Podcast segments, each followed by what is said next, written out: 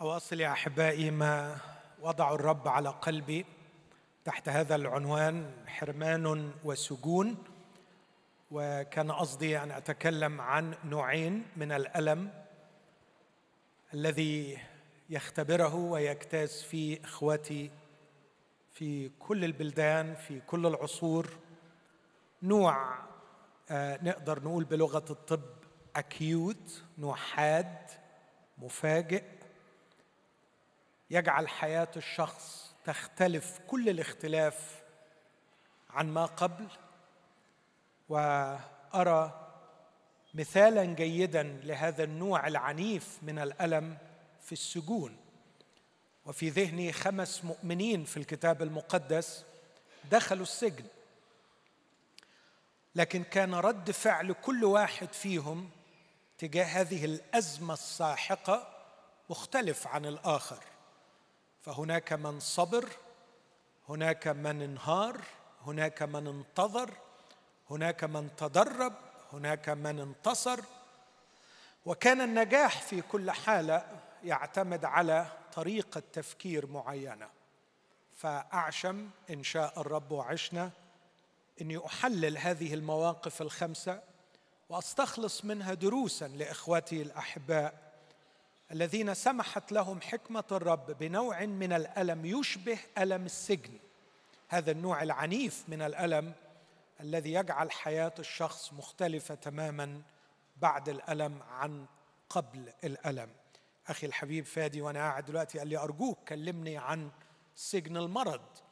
وأنا أعتقد إن الحوادث وفقدان الأحباء والأمراض المفاجئة التي تغير مسار الحياة أعتقد سنجد لها صورة جيدة في هذه السجون الخمسة.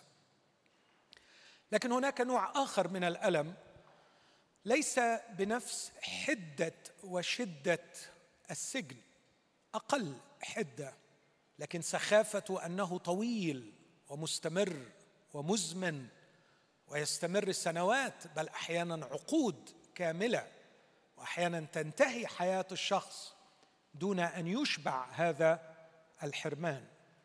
آه هذا الحرمان أعطيت ثلاث أمثلة لكن أكيد هناك أمثلة أخرى. الحرمان من الحب الرومانسي والحب الرومانسي عطية من عطايا الله في هذه الحياة. يبهج الحياة يسعد الحياة.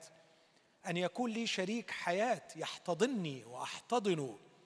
وأتوحد معه وأصير أنا وهو واحد روحا وجسدا. نعمة فعلا ممتعة تضفي على الحياة بهجة وبركة. ليست من اختراع إنسان لكن الله هو الذي صممها. الله هو الذي أهدى البشرية أهدى الإنسان الحب الرومانسي. وليس من دليل على أهميته وقدسيته في كل أبعاده العاطفية والجسدية أيضا. أن يخصص له الكتاب المقدس سفرا كاملا هو سفر نشيد الأنشاد. فالحب الرومانسي عطية من الله. لكن كثير من أحبائي يعيشون محرومين من هذا النوع من الحب سواء لعدم الزواج أو لفقدان شريك الحياة أو الأسخف من الاثنين. أن يكون الاثنان متزوجين يعيشان معا في بيت واحد في فراش واحد في غياب هذا الحب. وتنام الزوجة ودمعتها في عينها ويقضي الزوج حياته وغص في حلقه وفي قلبه لأنه متزوج لأنها متزوجة لكنهم لا ينعمان بالحب الرومانسي. هذه محنة وهذا حرمان حقيقي موجود. نوع ثاني هو الحرمان من الأبوة والأمومة سواء لغياب الأولاد أو لوجودهم لكن وجود كالعدم لا يشبع الآباء ولا يشبع هذه العاطفة. هذا حرمان. حرمان ثالث من المال أن يعيش المؤمن معظم أيام عمره على الكفاف بالكاد يسد احتياجاته الأساسية. ويضطر أحيانا أن يستغني عن احتياجات أساسية لأنه لا يجد المال. حرمان من الاحتياجات الأساسية بسبب نقص المال. عن هذا النوع تكلمت بمنهج هو ليس فقط إني أتعاطف مع أخي المحروم مع أن هذا موجود وفي قلبي عطف وتعاطف ووجع كبير مع كل محروم. والله شاهد لي وأنا أتكلم وضميري يشهد لي بالروح القدس إني صادق فيما أقول إنه أشعر مع الموجوع مع المحروم من أي نوع من هذه الحرمانات أشعر معه بوجع حقيقي. لكن ذكرت اني لن أتوقف عند حدود التعاطف والتقدير الذي قد يخفف الألم إلى حد ما لكن لا يشفي ولا يعالج. وقررت أن أنتهج هذا المنهج الذي يحلل ويناقش مع المحروم نوع حرمانه فأشتاق أنه من خلال الاجتماع السابق وما سأستكمله أكون وكأني أستوقف كل أخ وكل أخت من إخواتي محروم وموجوع وأقول له تعالى نتناقش في الحرمان اللي أنت بتعاني منه. وطرحت خمس أسئلة. ناقشت ثلاثة منهم وأستكمل اثنين. السؤال الأول هل الحرمان الذي تعاني منه حرمان حقيقي؟ حرمان مشروع؟ لك حق إنك تعاني وتقول أنا بأعاني لأني محروم من هذا الأمر؟ واكتشفنا إنه في بعض الحالات الشخص يعاني لأنه محروم من شيء لا يحل له مش من حقه. شهوة شريرة شهوة رديئة. أو في نفس الإطار محروم من شيء يحل له لكن ما خلق الاحتياج له رغبة شريرة. كان أمنون من النوع الأول. هو موجوع لأنه مش قادر ينام مع ثمار. هذا لا يحل لك. هذه شهوة رديئة. وكثير متألمين لأسباب غير مشروعة. لكن شاول كان محروما من شيء مشروع كان محروم من شفقة الناس عليه محروم من حب وتعاطف الناس معه. لا أحد فينا يستطيع أن يعيش بدون حب وتعاطف وشفقة الناس. لكن السؤال اللي شاول ما سألهوش لنفسه لماذا أوصلت نفسك إلى هذه الحالة التي جعلت الناس فيها لا تتعاطف معك؟ لأنك شرير. لأنه الرغبة اللي عندك هي إنك تقتل إنسانا بريئا. زعلان وصعبان عليه نفسه وبيقول لقرايبه لا يوجد من يشفق علي. ولما جولوا الناس الأشرار يجاملوه سياسيا علشان ينالوا مصلحة ويقولوا له تعال نسلمك شاول. يقول لهم مباركون أنتم من الرب لأنكم أشفقتم علي. ده محتاج حد يفوقه. انت موجوع. غلط. انت موجوع لكن وجعك غلط. مش من حقك تكون موجوع.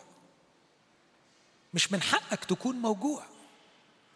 لأنك تركت شهواتك تعربد دون ضابط. فجعلتك تشعر بحرمان عميق من شيء لا يحل لك. أو جعلتك تفعل أشياء تدمر علاقاتك فلا يشفق عليك أحد. وفي النهاية تطلب منهم أن يشفقوا عليك لتستمر في عملك الشرير. ده اللي حطيته تحت هذا السؤال الفاحص. ما هي طبيعة حرمانك؟ هل ناقشته؟ هل هو حرمان حقيقي ليك حق فيه؟ إذا اكتست هذا الامتحان وقلت لا حرماني حقيقي. وأنا موجوع على حق لأنه الاحتياج اللي عندي الله يعلم ويشهد إنه فعلا صادق ومن حقي لكني محروم منه. هنا يأتي السؤال الثاني. وأرجو أن نكون انتبهنا لهذا السؤال. أوكي أنا مقتنع إن حرمانك حقيقي. ومن حقك إنك تشبع. لكن سؤالي أنت تعيس بسبب هذا الحرمان. أنت شاعر بالتعاسة بسبب هذا الحرمان صح؟ أيوه. السؤال هل هذا الحرمان هو المصدر الوحيد لتعاستك؟ أو هل هو المصدر الحقيقي للتعاسة؟ ما أقدرش أنكر إن رحيل كانت موجوعة. لأن ما عندهاش طفل. ومين يقدر يواجه امرأة ما عندهاش طفل ويقول لها حرمانك مش حقيقي؟ الكل يصمت. تقدر تفتح في عناية كويس وتقول لي اللي إيده في المايه مش زي اللي إيده في النار. أنت ما جربتش وجع الحرمان من الأطفال. أنا محرومة نفسي أحتضن طفل. أقول لها بكل احترام هذا الوجع مشروع وهذا الحرمان نقف له بكل احترام. لكن أنت ما فهمتيش سؤالي. أنا مش بقول الحرمان من الأولاد يوجع ولا ما يوجعش. أنا بقول أنت تعيسة ليه؟ هل أنت تعيسة بسبب الحرمان من الأولاد؟ إجابتي يا رحيل لا. أنت مش تعيسة بسبب الحرمان من الأولاد. أنت تعيسة بسبب حاجة تانية صحيح اللي فجر الحاجة التانية هو الحرمان من الأولاد بس مش هو ده الأصل. تعستك لأن عندك شيء كبير اتكسر. طول عمرك عايشة متفوقة على أختك. طول عمرك نمرة واحد. الرجالة في القرية ما فكروش فيها فكروا فيكي. انت محط الأنظار. انت كثيرة الجمال. انت المميزة عند أبوك وأمك. لبان تاجر ويعرف كيف يتاجر ببناته وكان يعرف أن التجارة برحيل رابحة. طول عمرك نمرة واحد. وأخذك الغباء بعيدا يا رحيل. وجعلك تشعرين بالتفوق على أختك بدلا من الشفقة عليها. وجعلك تتمركزي حول ذاتك وتضخمي من ذاتك وتشعري أنه من حقك أن تمتلكي كل شيء لأنك جميلة. من حقي أحسن حاجة ومن حقي كل حاجة. كم اصطدمت بأناس كثيرين أواجههم في الحياة يبكون ويتوجعون لسبب واحد لأنه من البداية افترض إنه يستحق كل شيء في هذه الحياة. يستحق كل شيء. ما ينفعش ياخد أقل من غيره. لكن فاجأتها الحياة إنها بقت نمرة اثنين ان أختها عندها وهي ما عندهاش. وكانت هذه صدمة العمر. معقول وصلنا إن رفقة تبقى هي الناجحة والمثمرة. تبقى عفوا ليئه ناجحة ومثمرة. ليئه تملك. وأنا لا أملك لا الموت أرحم. هذا هو الجحيم للنرجسي. الذي يدور حول ذاته الذي يرى نفسه يستحق كل شيء. ولا يوجد آخر جدير بأن يملك ما أنا أملكه. تلاقي الناس دول دايما ينكسوا من إنجازات الآخرين لأنه لا أحد لا أحد أفضل مني. هب لي بنين وإلا أموت. كتاب كان رائع مش عايز أعيد ارجعوا للوعظة الأولى. أنها لما رأت أنها لم تلد قالت لزوجها ممكن تجيبها لنا من فضلك في سفر التكوين أصحاح واحد عفوا أصحاح ثلاثين سفر التكوين أصحاح ثلاثين يكشف الكتاب الداء الدفين فلما رأت رحيل أنها لم تلد ليعقوب ذكرت ولا داعي للتكرار ما قالش كتاب أنها حزنت لأنها لا تحتضن طفلا لكن غارت رحيل من أختها. ده سبب التعب. ربما ربما مش أكيد إذا ناقشت سبب التعاسة في حياتك تكتشف أن هناك سبب آخر غير حرمانك. قد يكون انانيتك قد تكون نرجسيتك افترض هذا الافتراض. لعل الرب يتنازل بالشفاء. حجم التعاسة اللي مسببه لك الحرمان حقيقي وموجود بس مش هو اللي مضلم الدنيا. في تعاسة جاية من حاجات تانية جاية بسبب الخطية في القلب العنيد. مسكينة رحيل عاشت حزينة وماتت حزينة. لم تعرف طعم الهناء. كانت تتمتع بالحب الرومانسي كما لم يتمتع كما لم تتمتع به امرأة في التاريخ في تاريخ الكتاب. ما شفناش واحدة تتحب بالشكل ده. جميلة جدا ومحبوبة بشكل مخيف من رجلها اللي ضحى سبع سنين علشان يخطبها أو يتجوزها. كانت محرومة من الأولاد لكن لما جالها أول ولد الاسم غريب وعجيب تاخد العطية تقول يوسيف يعني يضيف يعني عايزة تاني. ولما جيت تاني ماتت وسمته ابن أوني أي ابن حزني. ما لحقتش تتهنى ولا تهنت لكن السؤال الثالث هل حرمانك حقيقي؟ نعم. هل حرمانك هو سبب كل تعاستك؟ لا. وأتخيلك وأتخيلك نمشي مع بعض رحلة شفاء وتقول لي أشكر الله بنعمة الرب اكتشفت خطايا في حياتي غيرة حسد نرجسية أنانية. والرب شفاني لكن ده ما يمنعش إني لسه موجوع. خلاص قبلت كلامك وبقول إنه حرماني ليس هو كل مصدر تعاستي. تعاستي كانت جاية من حتة تاني بس تخلصت منها لكني لسه موجوع. الحرمان يؤلمني. أسألك السؤال الثالث.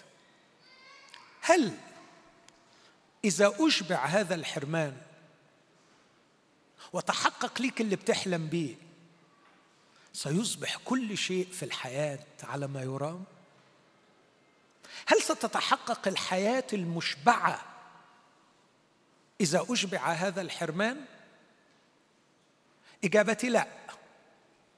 حتى لو كانت إجابتك أيوه أنا متأكد لو حصل اللي أنا نفسي فيه ده كل شيء هيبقى أصل هي دي بس اللي ناقصاني. هي دي أهم حاجة ناقصاني. إجابتي لأ. إجابتي لأ لأنه ده اللي عايز أوضحه أكتر شوية. الحياة المشبعة لا تعتمد على أشياء نحن محرومون منها. الحياة المشبعة تعتمد على أشياء نكونها وليست أشياء نمتلكها. هقول تاني.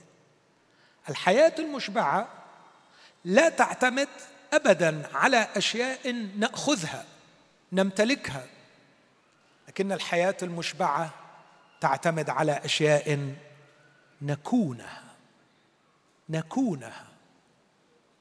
وذكرت في الخدمة اللي فاتت اقتباس من عالم اجتماع مسيحي هو أوزجينوس. وعالم نفس غير مسيحي هو روي بوميستر. والاثنين قالوا إنه علشان يوصل الشخص للإشباع التام والحياة المشبعة الموضوع مش إنه يمتلك أشياء مش يمتلك حب أو عيال أو فلوس أو نجاحات اطلاقا. لكن محتاج يكون. من وجهة نظر اوزجانوس إنه محتاج إلى هوية واضحة يعرف مين هو وما هي قيمته. وإن يكون له رسالة في الحياة واضحة عارف هو موجود في الدنيا ليه ويتمم خدمته ويتمم رسالته. ده اللي يوصل للحياه المشبعة. والأمر الثالث إن يكون عنده عقل محترم. قد تشكل بعقائد صحيحة تكون له إطار يقدر يحط الأشياء اللي بتحصل جواه. أتمنى النقطة دي تكون مفهومة يمكن تحتاج خدمة لوحدها. من أكثر الأشياء المزعجة أن يحدث معي شيء لا أرى له معنى لأنه ما عنديش فريم من الأصل يتحط فيه. لكن عندما يكون لدي فريم عندي إطار من المفاهيم والعقائد والإيمان الصحيح. لما بتحصل معايا حاجة تسقط في مكانها. فأقول نعم هذا الشيء من أجل هذا. هذا معناه هذا. أعتقد هذا ما حدث مع بولس وهرجع له بعد شوية. تضرعت إلى الرب ثلاث مرات أن يفارقني. فقال لي تكفيك نعمتي لأن قوتي في الضعف تكمل. بس ما شرحلوش ليه؟ قال له هدي لك نعمة لكن ما شرحلوش ليه؟ لكن الإطار اللي فهمه العقيدي على طول فهم إنه ربما مش ربما أكيد في غياب هذه الشوكة سوف يرتفع. وعندما أتى الإحسان لأستير كان لديها إطار من الإيمان سقط فيه الإحسان فلم يرتفع قلبها. الإحسان اتحط في مكان مظبوط فغريبة جدا راح تحط عليه علامة استفهام. وقالت ليه ربنا يوصلني؟ وراحت سالت مردخاي هو ليه ربنا يوصلني؟ أنا مش أجمل من بقية الفتيات. ومردخاي هو وهي لا أكيد الله ليه قصد فليكن الملك يا بنتي كوكالة وأمانة. فكتبت عنها مرة جلست على أعلى عرش فلم يرتفع قلبها ولبست أثقل تاج فلم يدر رأسها لأنها فهمت أن الإحسان مش لجمال عيونها لكن لغرض وكالة أمانة. وبعد أربع سنوات حدثت الفاجعة وكان أول رسالة يبعثها لها مردخاي نشيل علامة الاستفهام. من قدام الإحسان فهمنا ليه ربنا أعطاك يا بنتي لمثل هذا الوقت؟ قد وصلت إلى الملك.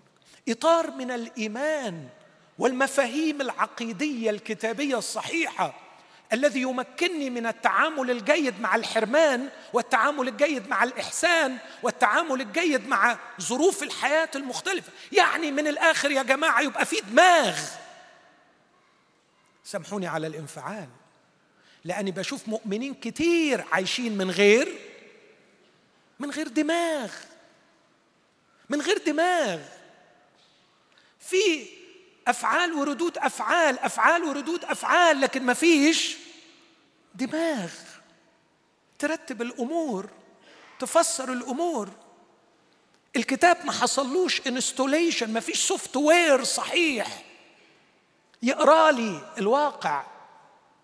لكن أقرأ الواقع بعيون الآخرين وأقرأ الواقع بغرائزي وأقرأ الواقع بمشاعري. وكم أشعر بالعار أن نسلك في هذه الحياة كأولاد الله بدون دماغ بدون عقل بدون ذهن مجدد قادر على التعاطي الصحيح مع الحياة. أعود للسؤال. هل اذا اشبع الحرمان؟ سيصبح كل شيء على ما يرام؟ كلا لأن أن تصير الأشياء على مرام وتتح على ما يرام وتتحقق السعادة الحقيقية في الحياة الأمر لا يتوقف على أشياء نحصل عليها أو نمتلكها لكن يتوقف على ما نكونه. أن أكون أنا أن أكون بهوية واضحة أعرف قيمتي ويكون لدي رسالة واضحة ويكون لدي عقل سوي صحيح متجدد بكلمة الله.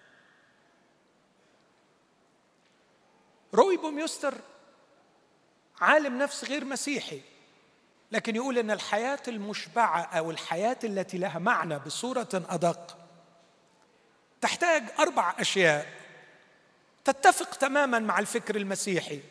هل تحتاج إلى هوية واضحة؟ انه يكون عارف أنت مين ويقصد بالذات تكون عارف قيمتك. أنا مين وقيمتي إيه؟ لو انت مثلا لسه عارف إن قيمتك في فلوسك أو قيمتك في شهادتك أو قيمتك في ماركه عربيتك دي مأساة أنت محتاج علاج. صدقوني أعرف ناس يملؤون الكنائس ضجيجا ما زالوا يستمدون قيمتهم من ماركه السيارة. بس بس صدقوني ما زاد عن كده. ماركة السيارة هي اللي بتحدد القيمة. معرفش خدمة إيه اللي نتكلم عنها بعد كده. ما هي ال value مين أنا؟ وما هي قيمتي؟ بعدين روي بوميستر يقول وبعد ال القيمة أن أعرف من أكون ما هي قيمتي في هذه الحياة؟ أعرف أيضا ما هو الغرض الذي أعيش من اجله وما هو التأثير الذي سأتركه؟ من أنا؟ وما هي قيمتي؟ دول أول اثنين ما هو غرضي وما هو مدى تأثيري؟ اذا الخلاصة اللي أقولها لأختي العزيزة ليئة اللي خدتها مثال لكده. ليئة لقد حرمت من الحب الرومانسي. حرمت من محبة رجلك. وأنا أقدر وجعك. ومش مستغرب يا ليئة أنا بقول ليئة ده النطق الصحيح بس يمكن تكون تقيلة على على مسامعكم. الأسهل أقول لي حاضر. هناك مقولة تقول خطأ شائع أفضل من صواب مجهول. فأنا همشي على القاعدة دي. الخطأ الشائع. فهمشي ضد ضميري وأقول ليئة لكن هي ليئة. بس معلش. أقول لليئة يا ليئة صدقيني مقدر قوي وجعك. مش عارف إزاي انت مستحملة تعيشي مع زوج مش بيحبك. تقول يا ماهر أنت ما تعرفش الوجع شكله إيه. صعب قوي. تتصور إنه بيسمعني كلام يقصد بيه يفهمني إني مكروهة. لا معلش تحملي.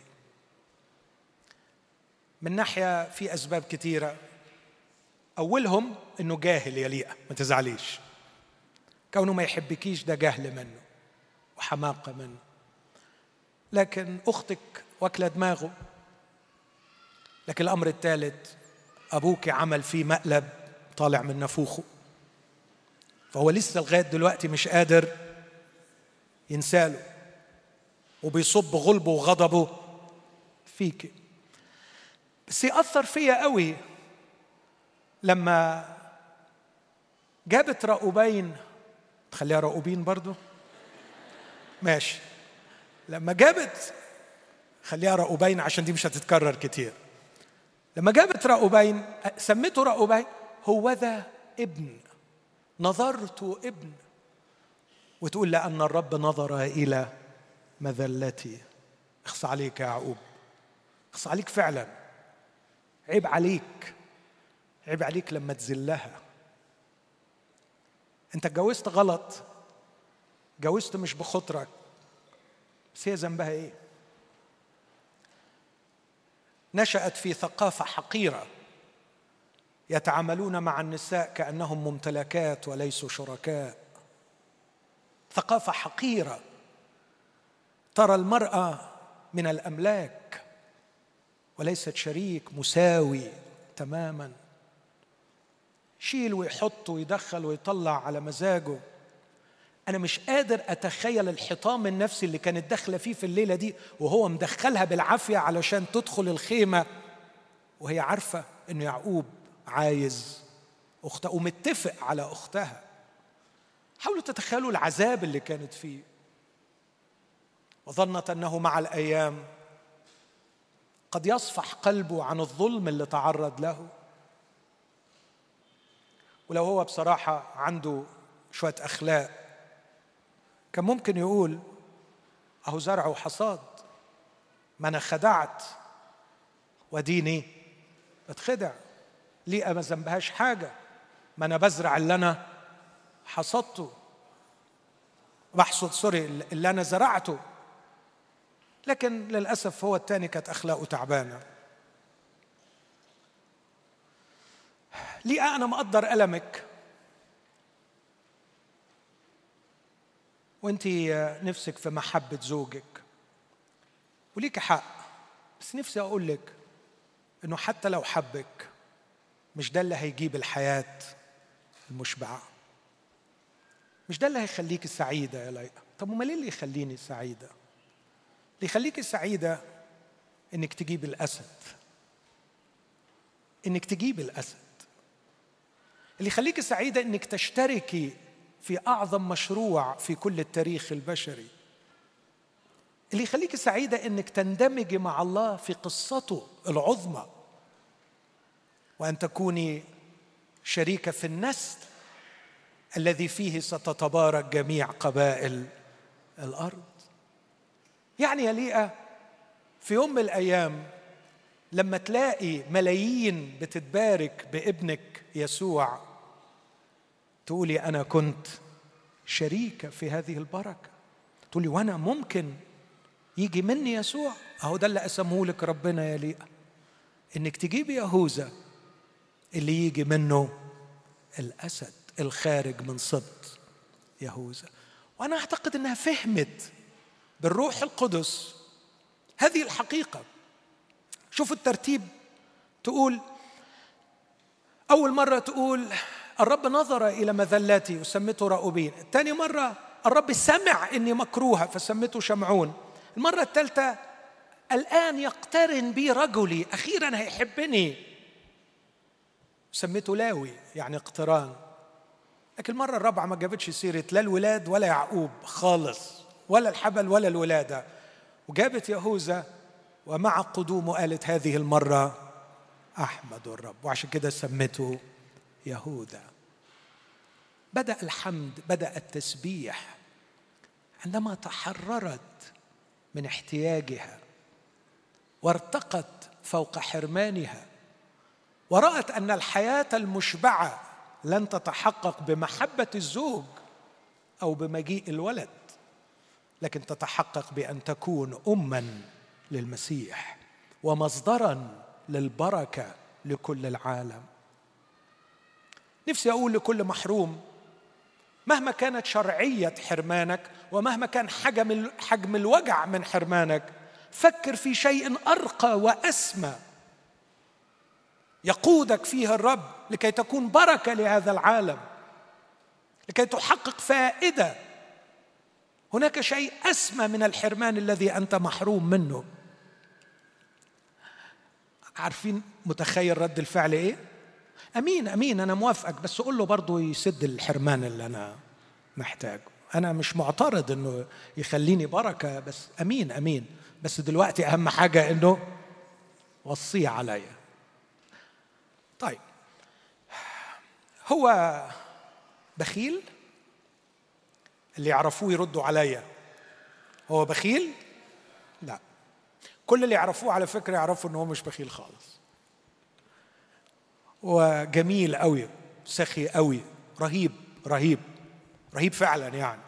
لدرجة مرات بيخضني بيخضني من كتر كرمه. يعني حاسب مش كده. واحدة واحدة عليا. لا لا ما استحملش.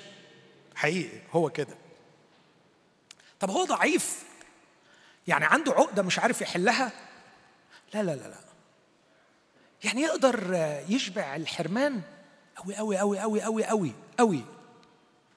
طب ومن ليه متأخر؟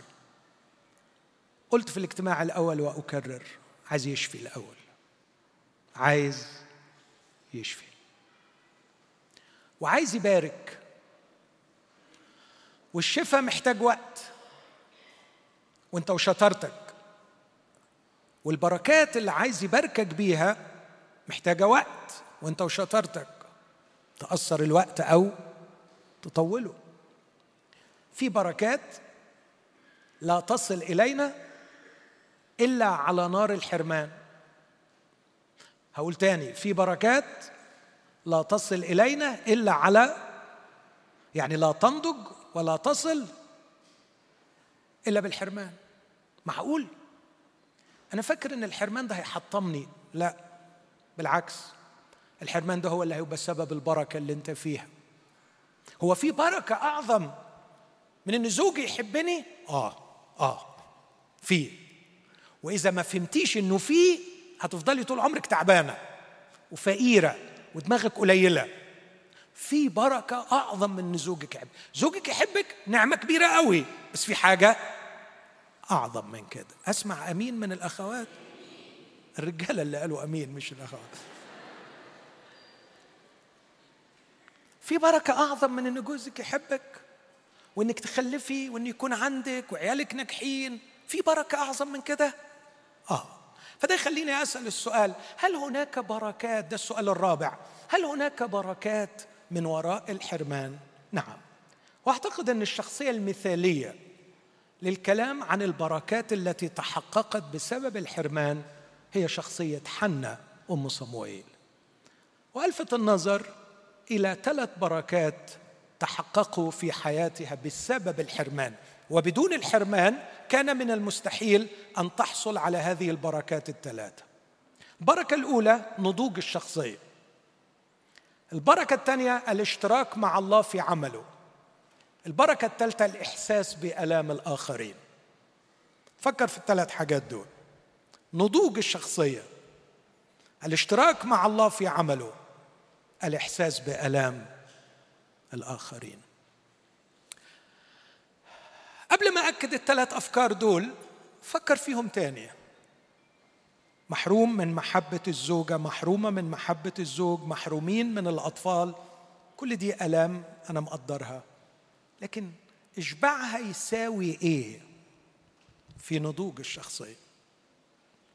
اشباع الحرمان يساوي إيه في إنك تشترك مع الله في خدمته وفي عمله؟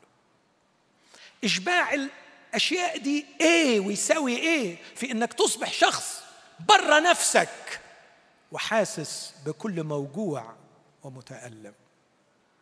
أرجوك احلم بشخصية عريضة شخصية ثرية. شخصية لها جذور وأغصان أوراق وثمار. لا تخشى إذا جاء الحر. كل عابر يقطف منها ويأكل. كشجرة مغروسة على مجاري المياه تعطي ثمرها في أوانه وورقها. لا ي... وكل ما يصنعه. احلم احلم احلم مش ب... كفاية بقى فقر وغلب. بس بس يحبني رجل يحبني رجل يحبني رجل كفاية. اطلع اطلع واحلم بحاجة أكبر وأعرض. احلم بشخصية ناضجة. أستاذنا في الطب النفسي الدكتور عكاشة عمل دراسة مؤلمة على النضوج في الشخصية المصرية. طلعت نسبة الناضجين نص في المية. نص في المية. يعني كل 200 بني آدم فيهم واحد ناضج. وأنا لو طبقت الدراسة دي بالمقاييس دي على الكنيسة المصرية هتطلع النتيجة أنيل. فيش نضوج. لأنه للأسف إيه اللي معطل النضوج؟ إنه لا نضوج بدون وجع لا نضوج بدون ألم. لا أضح أصحح لا نضوج بدون تعامل صحيح مع الألم. والمؤمنين اعتمدوا منهج واحد للتعامل مع الألم بدل أنه ينظفني وينقيني ويدربني حوش يا رب. حوش يا رب. يا ابني اصبر. يا ابني استهدى بالله واقعد شوية. يا ابني انتظر. يا ابني عايز انضفك عايز أنضجك عايز أكبرك. وللأسف يلاقي الوعظ كله ربنا هيشيل. والوعظ كله حوش يا رب. وكأن كل كلام الكتاب اللي قريناه في سفر أيوب وفي الرسائل وفي في الأناجيل كأن كل ده ملوش لازمة. واعتمدنا ثقافة أخرى لا علاقة لها بالكتاب المقدس. تتعامل مع الألم بشكل غبي. يضيع على المؤمنين أعظم الفرص فرص النضوج من وراء الألم. الضيق ينشئ صبرا. امبارح كان أحد الشباب بيسألني عايز يعين حد في شغلانة؟ وبيقول لي مش لاقي حد لأني بدور على كلمة بالإنجليزية مش عارف ترجمتها في العربية ريزيلينس قلت له عارف كلمة resilience دي؟ أجمل ترجمة ليها المرونة والصلابة وهي الكلمة اليونانية اللي قصدها الروح القدس لما بيقول الضيق ينشأ. صبرا. شخصية قادرة على ال endurance قادرة على تحمل الضغوط. مرنة وأيضا صلبه ما تتقصفش لأنها مرنة وما تنسحقش لأنها صلبه دي الشخصية اللي ربنا عايز يوجدنا فيها ودي ما تجيش غير من الألم والتعامل الصحيح مع الألم. طب يعني اوصف لي كده إيه سمات الشخصية الناضجة في الست حنة اللي انت مبهور بيها قوي دي؟ أقول لك يعني ممكن اقعد ساعة اتكلم عن جمال حنة في نضوجها لكن اكتفي شوية حاجات صغيرة. أول حاجة لم تقاوم الشر بالشر. لم تقاوم الشر بالشر. فاكرين الشر جاي لها من مين؟ من فنان. عمالة تعمل إيه؟ تغيظ تعرفوا الحكاية دي؟ عارفينها؟ دي في ثقافتي أنا في حي شعبي وأنا طفل كنت بشوف الحركة دي. حركة عيالي حركة حقيرة. حركة حقيرة فعلا. بتغيظها كتاب يقول كده كانت تغيظها غيظا من أجل المراغمة. قلة عقل على قلة أدب على إيه ده؟ دي أخلاق يا فنانة. دي أخلاق. بقى ربنا اداكي عيل علشان تغيظي بيه خلق الله. فكانت تغيظها بس الثانية محترمة. محترمة قوي. على فكرة لو كانت عايز ترد الغيظ ممكن. كان عندها حاجة تاني. كتاب يقول لأن ألقانا أحب حنا أكثر من فنن كان بيحبها. وكان يجي قدام الكل. لما يجي يوزع اللحمة وده أسلوب الرجالة في التعبير عن محبتهم أحيانا. يروح مديها نصيب اتنين الحب باللحمة. لكن أرجو أن الرجالة برضو يكونوا فاهمين أن إعطاء اللحمة ليست دائما التعبير الأمثل عن المحبة. ممكن يكون إعطاء حاجة تانية أبسط كتير وأرخص. لكن هو ده كانت طريقته الحقيقة. فهي كانت ناضجة. ناضجة في التعامل مع الشر. كانت تتوجع ما تنطقش. يا رب انعم علينا بأمهات وزوجات من هذا النوع. انعم علينا بخادمات من هذا النوع. انعم علينا بخادمات بيعرفوا يصونوا لسانهم. انعم علينا بأمهات قدوة للأطفال بزوجات رائعات. لا يقاومن الشر. الشر. جميلة. لكن كانت تجيد التعامل كناضجة مع الشر مع مع الأشرار لكن كمان تجيد التعامل مع الجهل مع الجهل. الشخص الناضج بيقابله كم كبير من الجهل من الناس. ومهم قوي إنه يعرف يتعامل مع الجهل خصوصا لما يكون جهل الحبيب وجهل اللي بيحب والناس أحيانا يقولوا يعني عدو حكيم أفضل من صديق جاهل. حنا كان جوزها سامحوني في التعبير جاهل. أدي مثلين المثل الأول هو اللي أشرت إليه. بدل ما يوقف شر الست الشريرة وده دوره وكان لازم يعمل كده يديها لحم بصراحة يعني حاجة تغيظ. يعني كان ممكن ترد عليه تقول له أنا مش محتاج اللحم ولا ليه نفسي آكل من أصله بسبب الغم اللي أنا فيه. روح سكت مراتك الشريرة. لكن ما كانش بيعمل كده. لكن كمان في حاجة تانية تغيظ. أنا أعتقد إنها جهل لما حب يعالجها نفسيا ويطيب خاطرها يقول لماذا لا تأكلين؟ ولماذا تكتئبين؟ ألست أنا خير لك من عشرة بنين؟ يعني أنا سبع البرمبة مش مكفيك يا حنا وكثير من الرجاله للأسف يتعاملوا بهذا الأسلوب. لما يشوف مراته موجوعة ومتألمة بسبب معين ياخذ الموضوع شخصي جدا وأنا مش مكفي ولا إيه؟ يا عم ملهاش دعوة بيك. الست موجوعة من حاجة تاني خالص. طب أعمل إيه يعني؟ يعني أقعد واسمع وافهم هي موجوعة من إيه. حنا حبيبتي إيه اللي كاسر قلبك؟ قولي لي. ما عنديش ولد. طب يا حنا هنعمل إيه؟ خلينا نصلي. أنا مقدر وجعك. ليك حق تكوني موجوعه إنه ما عندكيش ولد. لكن إحنا خلينا نشوف إيه بركات الرب الأخرى اللي ممكن يمتعنا بيها. وأكيد الرب في وقته لا يعصر عليه أن يعطيك الولد. كان ممكن يعالجها بالأسلوب ده. لكن الأسلوب الطفولي الجاهل ياخد الموضوع بصفة شخصية. أما أنا خير لك من عشرة بنين وأنا مش مكفي وأنا لكن حنا كانش ترد. لا ردت على فننا ولا ردت على ألقانا. عملت تصرف رائع. فبعدما أكلوا وشربوا قامت وذهبت إلى خيمة الاجتماع.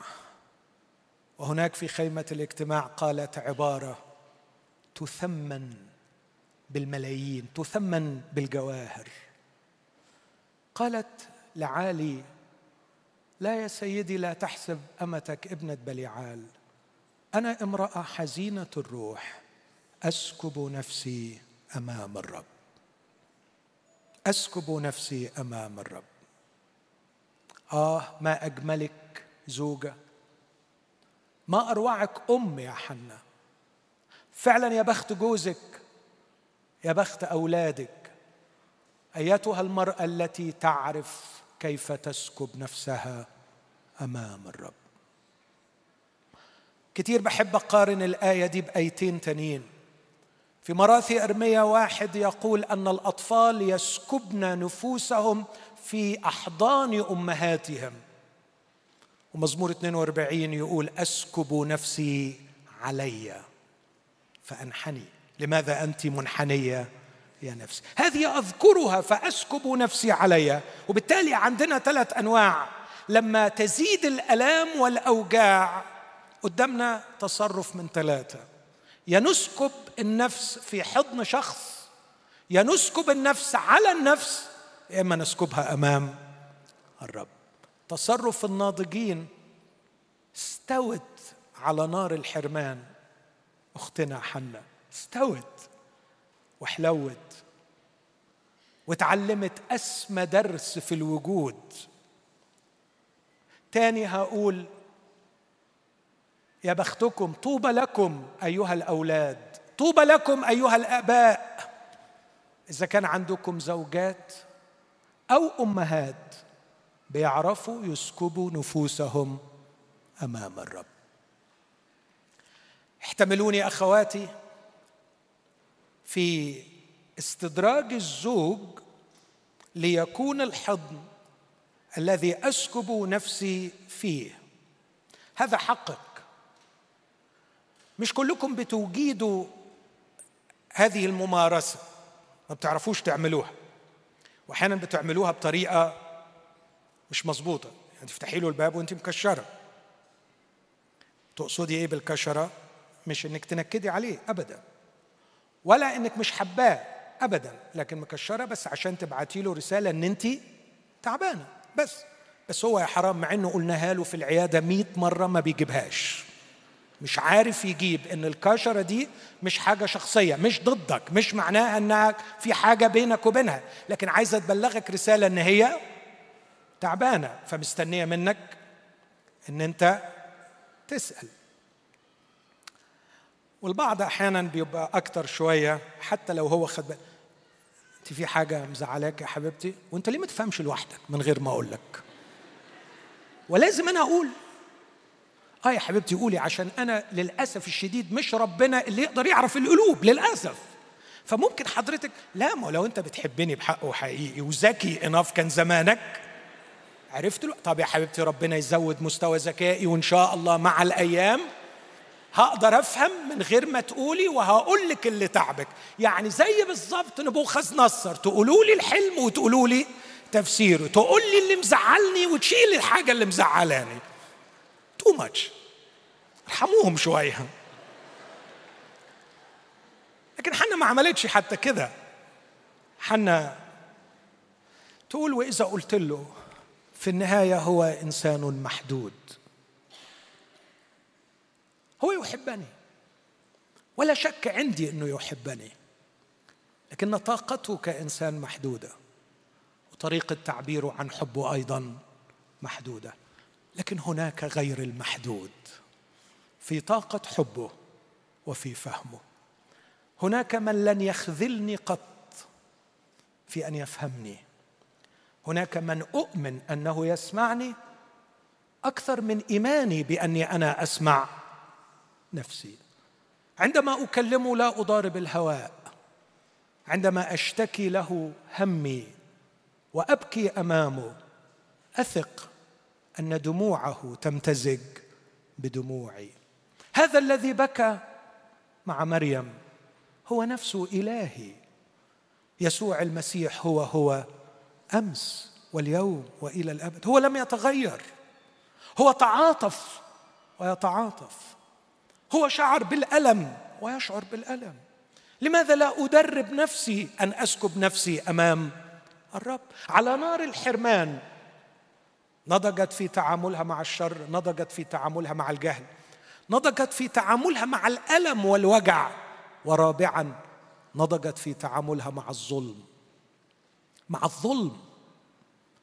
ظلمها ظلم بين وللأسف ظلم جاي من راجل دين. تخيلوا الراجل شايفها عندما أكثرت الصلاة وتتكلم في قلبها وشفتاها تتحركان وصوتها لا يسمع علي الكاهن تفتق ذهنه العبقري يقول لها إيه؟ حتى متى تسكرين؟ انزعي خمرك عنك. لا يا سيدي بص الرد الراقي بص النضوج بص الأخلاق. بصراحة حاجة تشرف صح ولا لا؟ انت مش نفسك تكوني كده؟ ما تتمنيش تكوني كده؟ أهو ده اللي بيعمله الوجع. النضوج على نار الحرمان. النضوج على نار هادية نار الحرمان. لا يا سيدي سيدك بصراحة ده انت سته. لا يا سيدي لا تحسب أمتك ابنة بليعال أنا امرأة حزينة الروح أسكب نفسي أمام الرب. رقي رقي. من عدة أيام قلت لصديق عزيز أشعر بالخجل والخزي وأشعر أننا أخطأنا خطا كبيرا. لم نخرج من كنائسنا شبابا للمجتمع يتميزون بالعقول القوية والأخلاق الراقية. طلعنا للمجتمع شباب حافظ ترانيم وبيجيد التسليات الروحية. لكننا لم نخرج للمجتمع عقولا قوية واخلاقا راقية. لكن هذه هي الأخلاق لحنا أم صموئيل. اتكسف. ورد عليها رد جميل قال لها هذه الكلمات بعد ما فاق من خطأه. في سفر صموئيل الأول والأصحاح الأول يقول لها هذه الكلمات اذهبي بسلام وإله إسرائيل عدد 17 يعطيك سؤلك الذي سألتيه من لدنه. كانت ناضجة مع الظلم. لكن كانت ناضجة مع الصلاة. في نضوج في التعامل مع الصلاة. تعبير جميل يقولوا عنها الكتاب بعدما دخلت وصلت يقول ثم مضت المرأة في طريقها وأكلت ولم يكن وجهها بعد مغيرا. لم يحدث تغيير في البطن.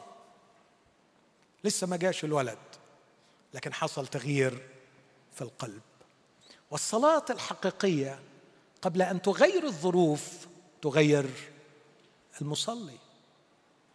هي تغيرت والوضع لسه ما تغيرش. ولاحظوا أحبائي أن تغيير المصلي عند الرب أهم مليون مرة من تغيير الوضع. ولما تغير المصلي الوضع تلقائيا تغير. كلام الكتاب كلام الله رائع. خرجت مضت ولم يكن وجهها بعد مغيرا. ورجعت عليهم بابتسامه ورجعت تاكل والكل عمال يبص. أكيد في حاجة حصلت. فأكيد كل مخهم بيبص على فين؟ على بطنها. وبطنها زي ما هي. لكن ما حدش بص على قلبها. القلب الذي يتغير في محضر الله هو أعظم نتيجة للصلاة. كثيرا ما اختزلنا الصلاة إلى قوة لتغيير الواقع ولم نفكر أن الأهمية القصوى للصلاة هي في تغييرنا نحن. وعندما نتغير نحن ما أسهل أن الله يغير بنا الواقع ويغير الواقع لنا. لكن واقع متغير بدون أناس لم يت... بدون أناس متغيرين للأسف. لن يثمر شيء. هذا ما حدث مع بني إسرائيل. غير لهم الواقع ولم يتغيروا هم فسقطت جثثهم في القفر. اللي استفدناه إنه طلعوا هتفوا ورنموا زعقوا وخربوا الدنيا.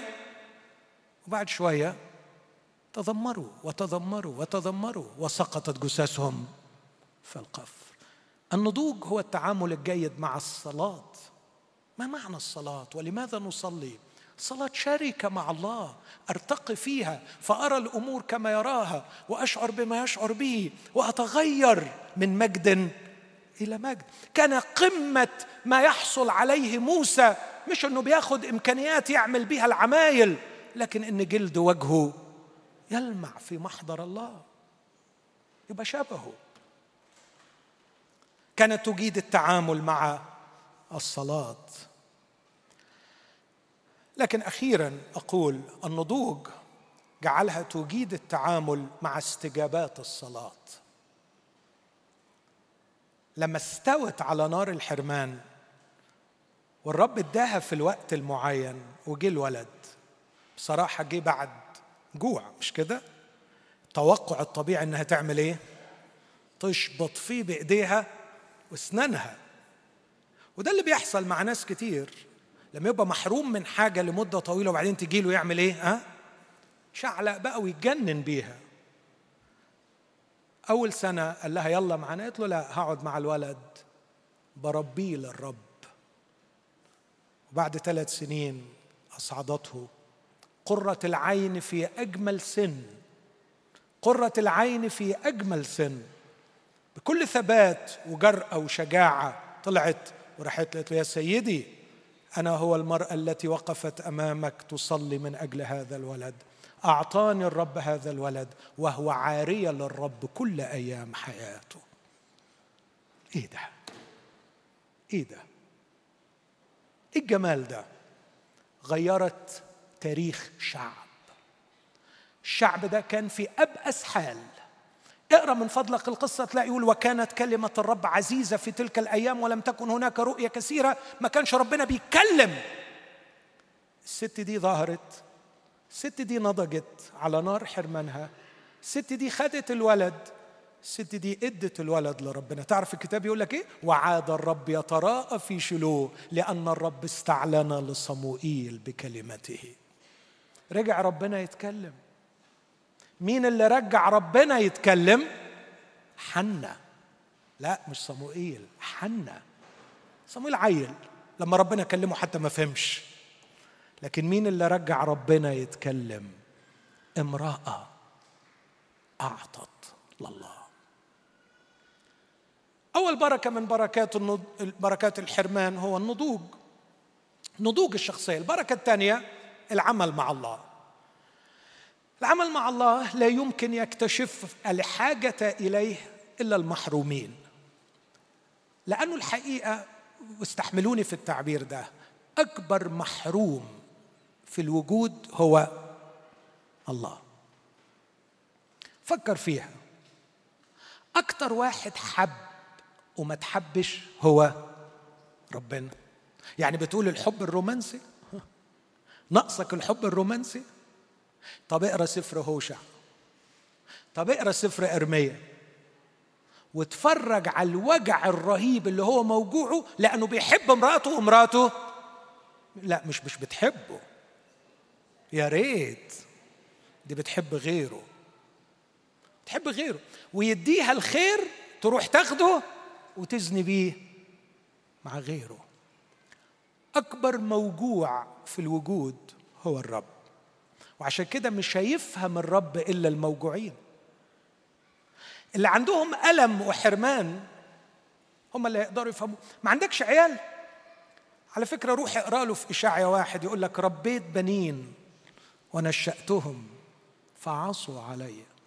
الحمار يعرف صاحبه والثور معلف قني. أما شعبي فلم يعرف. إسرائيل لم يفهم. من أكثر أنواع الألم إن الابن يكسر قلب أبوه. صح؟ وأنا بقول دايما كده يوم ما تخلف اعرف إنك حطيت قلبك في إيد ابنك. يا يطبطب لك عليه يا يكسره لك. ما عندكش اختيار تاني. قلبك بقي في إيد ابنك أو بنتك. يا يسعده لك يا يكسره لك. الحقيقة من الواقع اللي بشوفه مع ربنا قلبه في معظم الأوقات مكسور. حنا دخلت تتكلم معاه ولقيت محروم موجوع وأنا اعتقادي إنه كشف لها قلبه. كشف لها لأنها قعدت وقت طويل. فيمكن جرى الحديث كما تخيلت في مرة سابقة جرى الحديث هكذا. حنا أنا مبسوط انك جيتي. تقول أنا مبسوطه إن أنا جيت. أنا تعبانة قوي يا رب. لو أنا صدقيني كمان تعبانه يا حنا إيه ده؟ هو أنت بتتعب؟ حنا أنا تعبان أكتر منك وموجوع أكتر منك. معقول يا رب؟ أنت موجوع.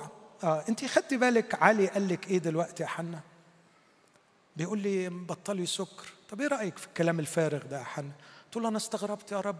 هو في سكارى بيجوا بيتك حضرتك؟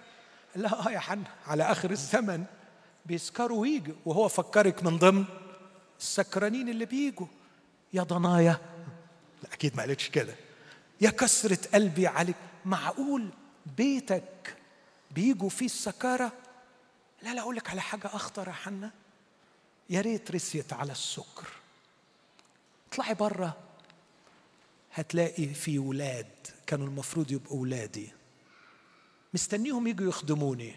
بيزنوا بره يا حنا ولاد عالي بيزنوا في خيمة الاجتماع. يا نهار اسود.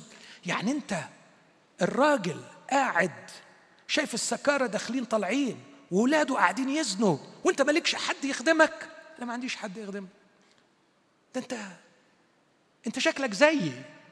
أنا محتاجة ابن وانت تريك محتاج ابن. أقول لك اديني الابن وأنا أديهولك. نشتغل مع بعض. لا اتفقنا يا حنا خلاص هدي لك الابن وتدهوني. والاتنين مع بعض صنعوا أروع قصة في تاريخ شعب إسرائيل.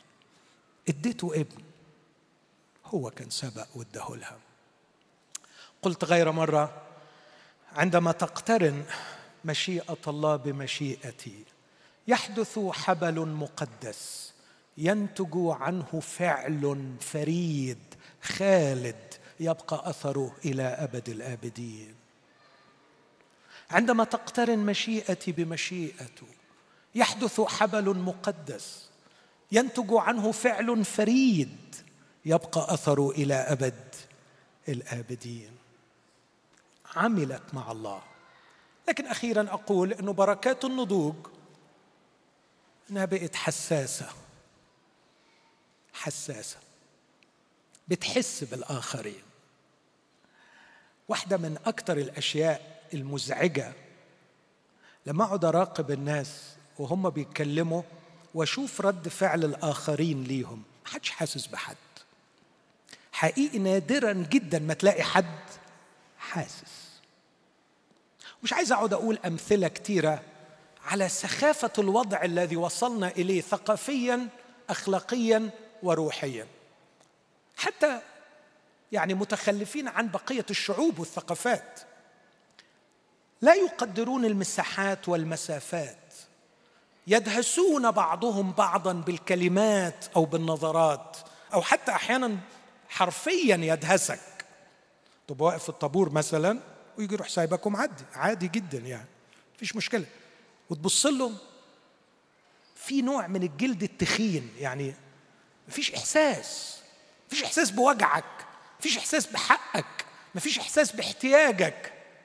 هل يليق بأولاد الله إنه ما يكونش عندنا الإحساس؟ أذكر في مرة كان معايا الشخص اللي بيساعدني في تنقلاتي وكنت داخل على المحطة. في محطة سيدي جابر في الإسكندرية في الصباح الباكر مع أول قطار بيبقى في عدد كبير جدا من السيدات اللي جايين من قرى بعيدة وكل واحدة شايلة على راسها فعلا ثقل مرعب جاي علشان تبيعه في أحد أسواق الإسكندرية. المنظر ده كان كتير بيكسر قلبي عليهم. وبشوف عظمة المرأة المعيلة في بلدنا المسكين. ففي مرة وأنا داخل راحت الست زقاني وقعتني على الحيط وخبطتني بالطشط اللي على راسها لأنها عايزة تعدي بسرعة ومش عايزاني أبقى قدامها فيعني طوحتني يعني. ربنا مديها صحة نشكر رب عشان تقدر تعمل. فالراجل اللي معايا صعبت عليه فعايز يعنفها. خلي بالك. معرفش ليه ساعتها الفكر اللي جاني قلت له حبيبي سيبها مرة من نفسها تسبقني. أنا أسبقها في كل شيء. أنا قدامها في كل حاجة. اديها حاجة واحدة تكون فيها. قدامي حتى لو كان درجة سلم أكتر. كم من مسحوقين في بلدنا؟ هل نشعر بهم؟ هل نحس بهؤلاء المسحوقين المتوجعين؟ بصوا معايا أحبائي حنا اتحرمت من العيال بس ما اتحرمتش من اللحمة ما اتحرمتش من الأكل ما اتحرمتش من الحب. بس بصوا الكلام اللي قالته في صلاتها. لما غنت التسبيحة بتاعتها تتكلم تتكلم عن الضعفاء تتكلم عن الجياع تتكلم عن العاقر تتكلم عن المسكين اللي يرفع من التراب تتكلم عن الفقير اللي يرفع من المزبلة تكلمت عن كل أنواع الموجوعين والمتألمين. على نار الحرمان أصبح جلدها رقيق وحساسيتها كثيرة وأصبحت تشعر بجميع أنواع الحرمان حتى الذي لم تختبره. ألا تشتهي معي نفسا رقيقة؟ ألا تشتهي معي شخصية ناضجة؟ ألا تشتهي معي مشيئة صالحة تقترن بمشيئة الله للعمل معه؟ هذه بركات تحققت على نار الحرمان. السؤال الخامس والأخير. هل هناك مضاعفات سلبية لو أشبع الحرمان؟ ده السؤال الأخير. السؤال الأول هل حرمانك حقيقي؟ السؤال الثاني هل الحرمان هو المصدر الحقيقي للتعاسة؟ السؤال الثالث هل لو أشبع الحرمان سيصبح كل شيء على ما يرام؟ ستتحقق السعادة الكاملة. السؤال الرابع هل هناك بركات من وراء هذا الحرمان؟ السؤال الخامس هل هناك مضاعفات إذا أشبع الحرمان؟ عارفين يعني إيه مضاعفات؟ لما بكتب دواء العيان أول سؤال بيسأله لنا يا دكتور الدواء ده ليه مضاعفات؟ وأنا عندي إجابة دايما بقولها ما فيش دواء من غير مضاعفات. أوعى دكتور يضحك عليك ويقول لك الدواء ده ملهوش مضاعفات. بس إيه اللي رماك على المر؟ لا مر منه لو هنعمل إيه؟ ما عايزين ناخد الدواء. هل هناك مضاعفات لو أشبع الحرمان؟ آه. وده اللي بيأجل إشباع الحرمان. الرب يرى أن هناك مضاعفات وربما يحتاج الأمر إلى شيء معين يعمله الرب لكي يحميك من هذه المضاعفات أو يتركك في حالة الحرمان لأن المضاعفات أكثر خطرا من خطر الحرمان. فوانت محروم آه في وجع في مشكلة. بس لو أشبع الحرمان هتيجي مشاكل أكتر مليون مرة من الحرمان اللي أنت بتعاني منه. أدي مثل سلبي ومثل إيجابي. حرم حزقية من الولد ومن الصحة. وجاءه أسوأ خبر. أوصي بيتك لأنك تموت. فوجه وجهه نحو الحائط. وقال له ده مش هيحصل ابدا أنا مش هموت لأنه ما ينفعش أموت وأنا ما عنديش نسل وما ينفعش أموت في عز شبابي. اشفيني ولازم تشفيني وإذا ما شافتنيش هتبقى مصيبة كبيرة وهشتكيك لكل المؤمنين وهعمل لك فضيحة إنك ما تسمعش الصلاة. اشفيني يعني تشفيني. ربنا قال له حاضر. قد سمعت صلاتك ورأيت دموعك وسأشفيك. من وجهة نظري يعني كان ممكن يقول له عبارة تاني بس هو ما قالهاش لأن الرب طيب. له ممكن يقول له مع أن صلاتك غلط. تعرفوا ليه؟ لأنه يقول اذكر يا رب كيف سرت أمامك بالأمانة وبقلب سليم. وف... يا حبيبي ما حدش يصلي يقول ربنا كده. ما حدش يصلي يقول ربنا بص أنا عملت وعملت وعملت فأنت بقى إيه؟ خليك جدع معايا وزي ما أنا كنت جدع معاك. عيب ما... مش دي مش صلاة خالص يا حزقية. بس anyways خلاص هنفوت لك دي. أنت عايز إيه؟ عايز أخف عشان إيه؟ عشان أتمتع بالصحة وأجيب عيل. اتفضل حبيبي. خد الصحة وخد العيل. حد كمل الحكاية؟ الوعظة حلوة قوي قوي قوي عند الآية دي سمعت صلاتك رأيت دموعك وسأشفيك. full stop نقطة ومحدش بيكمل الحكاية. ودي قلة أمانة مننا في قراية الكتاب لأن الحكاية ليها كمالة. عارفين كمالة الحكاية؟ أقرأ لكم كمالة الحكاية. في سفر أخبار الأيام الثاني أصحاح 32 في تلك الأيام مرض حزقية إلى حد الموت. وصلى إلى الرب. 32 عدد 24 من فضلك. أخبار الأيام الثاني 32 الحكاية دي جت في ملوك الثاني 20 جت في أخبار الأيام الثاني 32 جت في إشعيا 38 و 39 ثلاث مرات يكررها الكتاب المقدس لأهميتها القصوى لكن ما بنوقفش عند كمالة الحكاية. بص بيقول إيه في عدد 24 في تلك الأيام مرض حزقية إلى حد الموت وصلى إلى الرب. تفاصيل الشفاء والصلاة موجودة في ملوك الثاني وفي إشعياء. فكلمه كلمه بالشفاء وأعطاه علامة عمل معجزة في الأجرام السماوية رجع الظل عشر درجات. ولكن اقرأ عدد 25 أرجوك اقرأ العبارة دي واحفظها زي ما أنت حافظ الآية الثانية لكن لم يرد لم يرد حزقية حسبما أنعم عليه لأن قلبه ارتفع. يا دي المصيبة. لم يرد. يعني ربنا لما اداله العطية كان مستني رد لكن للأسف الرد ما جاش زي ما ربنا عايز. كان ربنا مستني رد بقلب متضع. جاله الرد قلب مرتفع. تعرف إيه اللي حصل لما القلب ارتفع؟ هقرأ لك. هقرأ لك كلام خطير.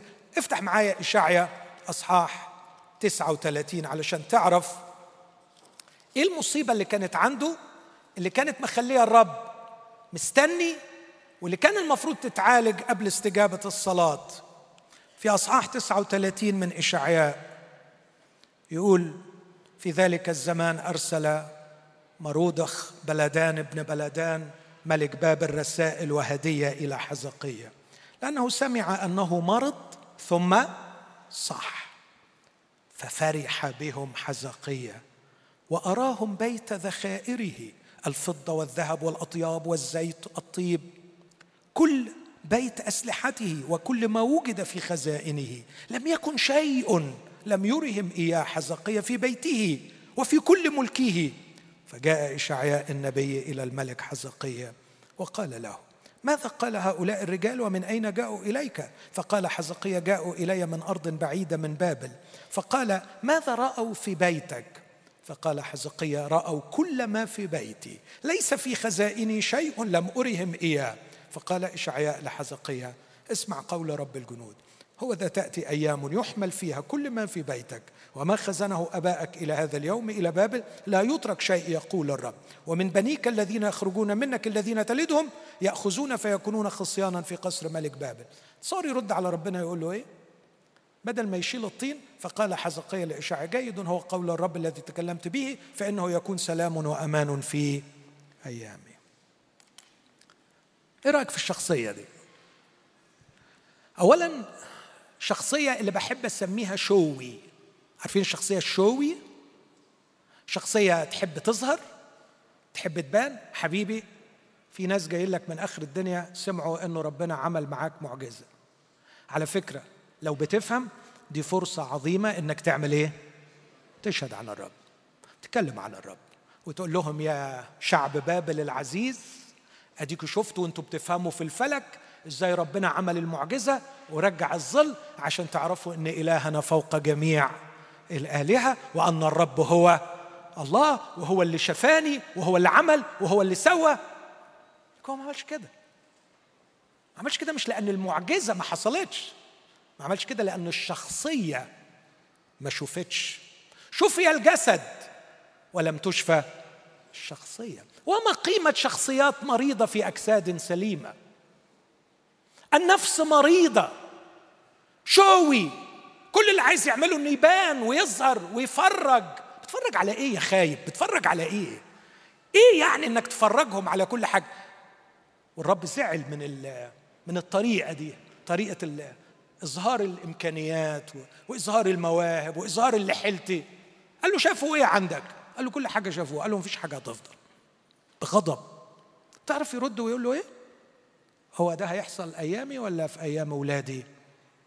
قال لا في أيام أولادك. قال خلاص ما يفرقش. بصراحة حاجة مش عايز أغلط في الكلام. بس هقول حاجة تاني. هو لما عي ما كانش عنده عيال. في ال 15 سنة اللي بعد ما خف خلف عيل. حد يعرف اسم الولد بتاعه؟ منسى. برافو عليكم.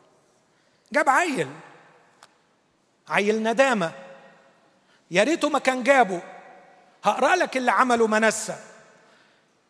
لو رجعنا الأخبار الأيام الثانية أصحاح 33 كان منسى ابن اثنتي عشر سنة حين ملك وملك خمسة وخمسين سنة في أورشليم وعمل الشر في عيني الرب حسب رجسات الأمم الذين طردهم الرب من أمام بني إسرائيل. وعاد فبنى المرتفعات التي هدمها حزقية أبوه. يعني جاب عيل علشان يفسد اللي هو عمله. اللي هيموتوا على عيل. اسمع. وأقام مذابح للبعليم وعمل سواري وسجد لكل جند السماء وعبدها وبنى مذابح في بيت الرب الذي قال عنه الرب في أورشليم يكون اسمي إلى الأبد. وبنى مذابح لكل جند السماء في داري بيت الرب. اسمع. وعبر بنيه في النار. في وادي ابن هنوم وعاف وتفاءل وسحر واستخدم جانا وتابعة وأكثر عمل الشر في عيني الرب لإغاظته. حزقية عاش مع الولد ده 12 سنة ما علمهوش حاجة عدلة. حزقية جاب لإسرائيل أسوأ بلوى في تاريخهم. حزقية بعد ما خف لأن شخصيته ما كانتش شفيت. ونفسيته لم تكن برئت من مرض حب الظهور والعظمة. للأسف الشديد دمر نفسه وبيته وشعبه وخزائنه وكل ما له.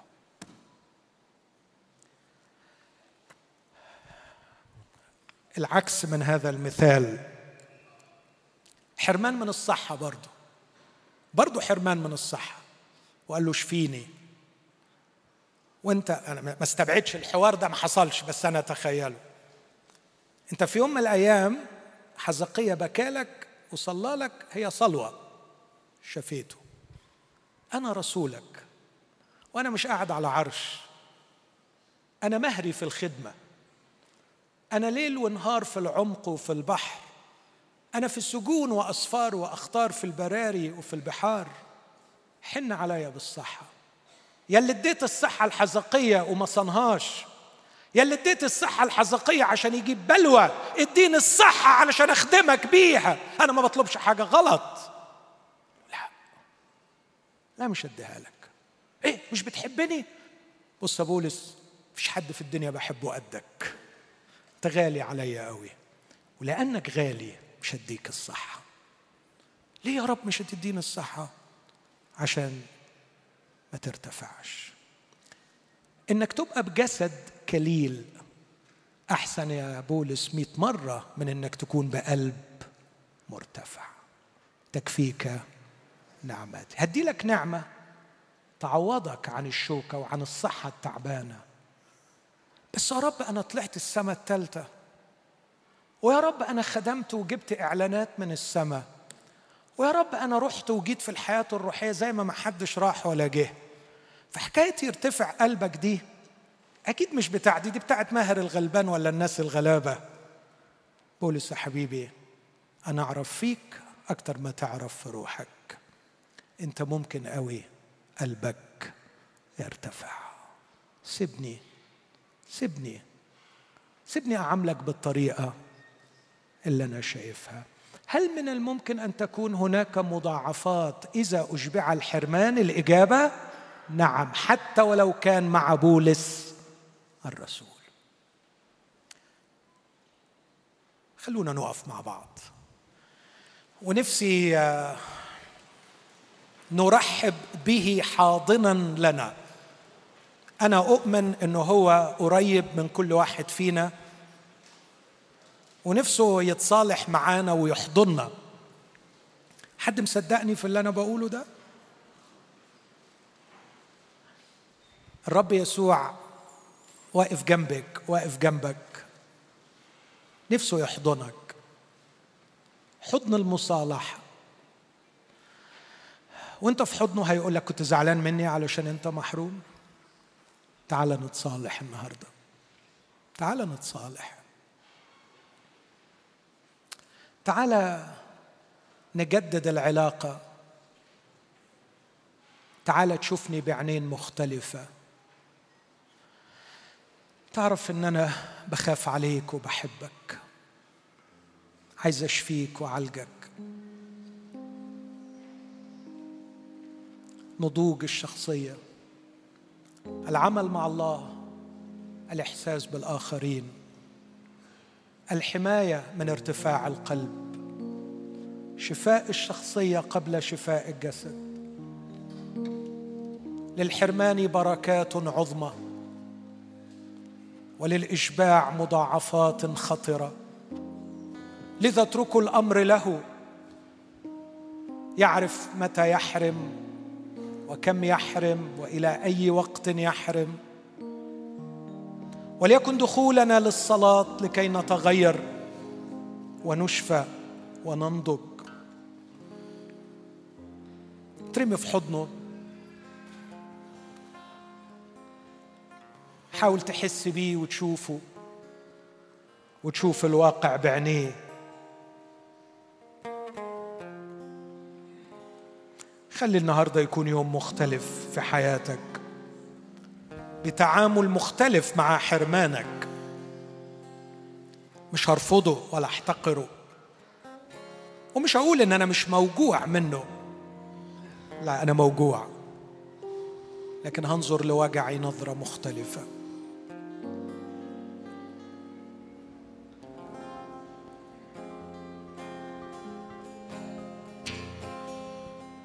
أنا صابر ليك ومستني ورجايا وأملي حاططهم فيك. لا مش في الناس ولا في المال ولا في القدرة ولا في القوة أنا عيني عليك وانتظاري ليك. وحدك يا حبيبي اتكالي عليك.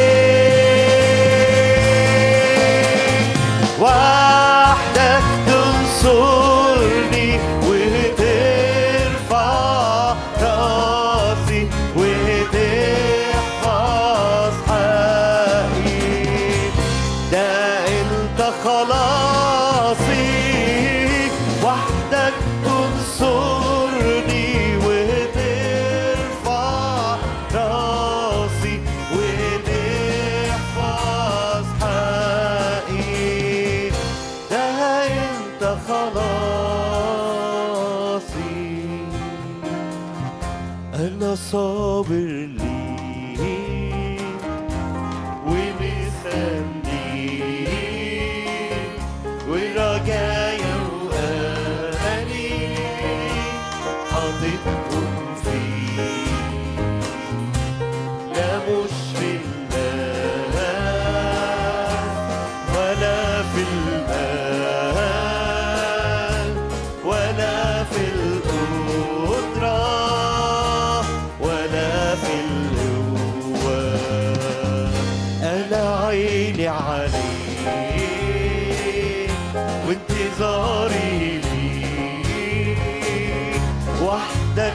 حبيبي اتكالي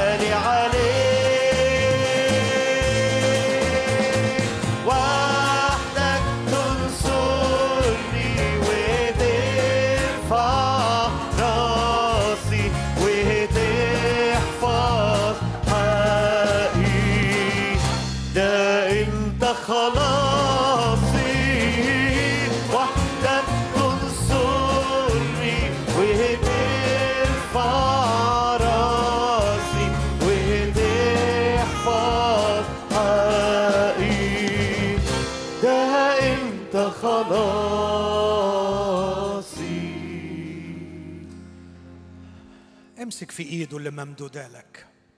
امسك في ايده اللي ممدودة لك. هو مدد لك ايده. هو مدد لك ايده. غمض عينك وتكلم معاه. قول له بحبك. بثق فيك. قول له انت ما بتغلطش. انت ما بتهملش. انت مش بعيد عن وجعي. انت حاسس بيا.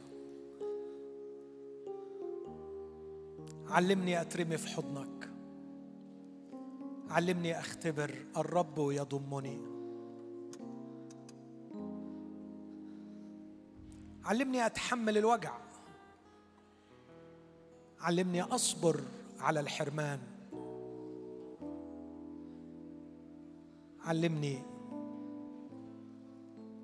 إن شخصيتي من جوه أهم مئة مرة من إشباع حرماني.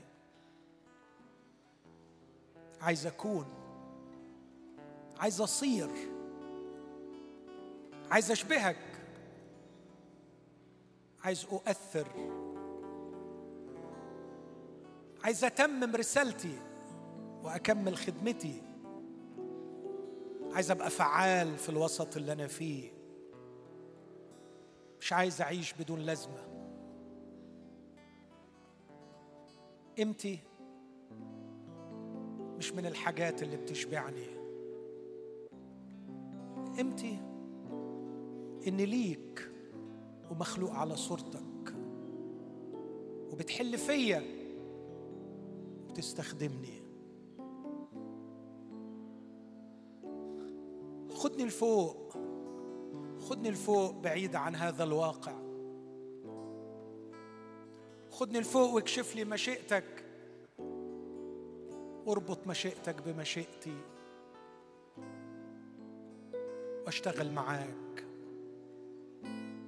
وأقول لك هيا يا حبيبي لنخرج إلى الحقول. لنذهب لنرى الكرم وأعمل معك هناك.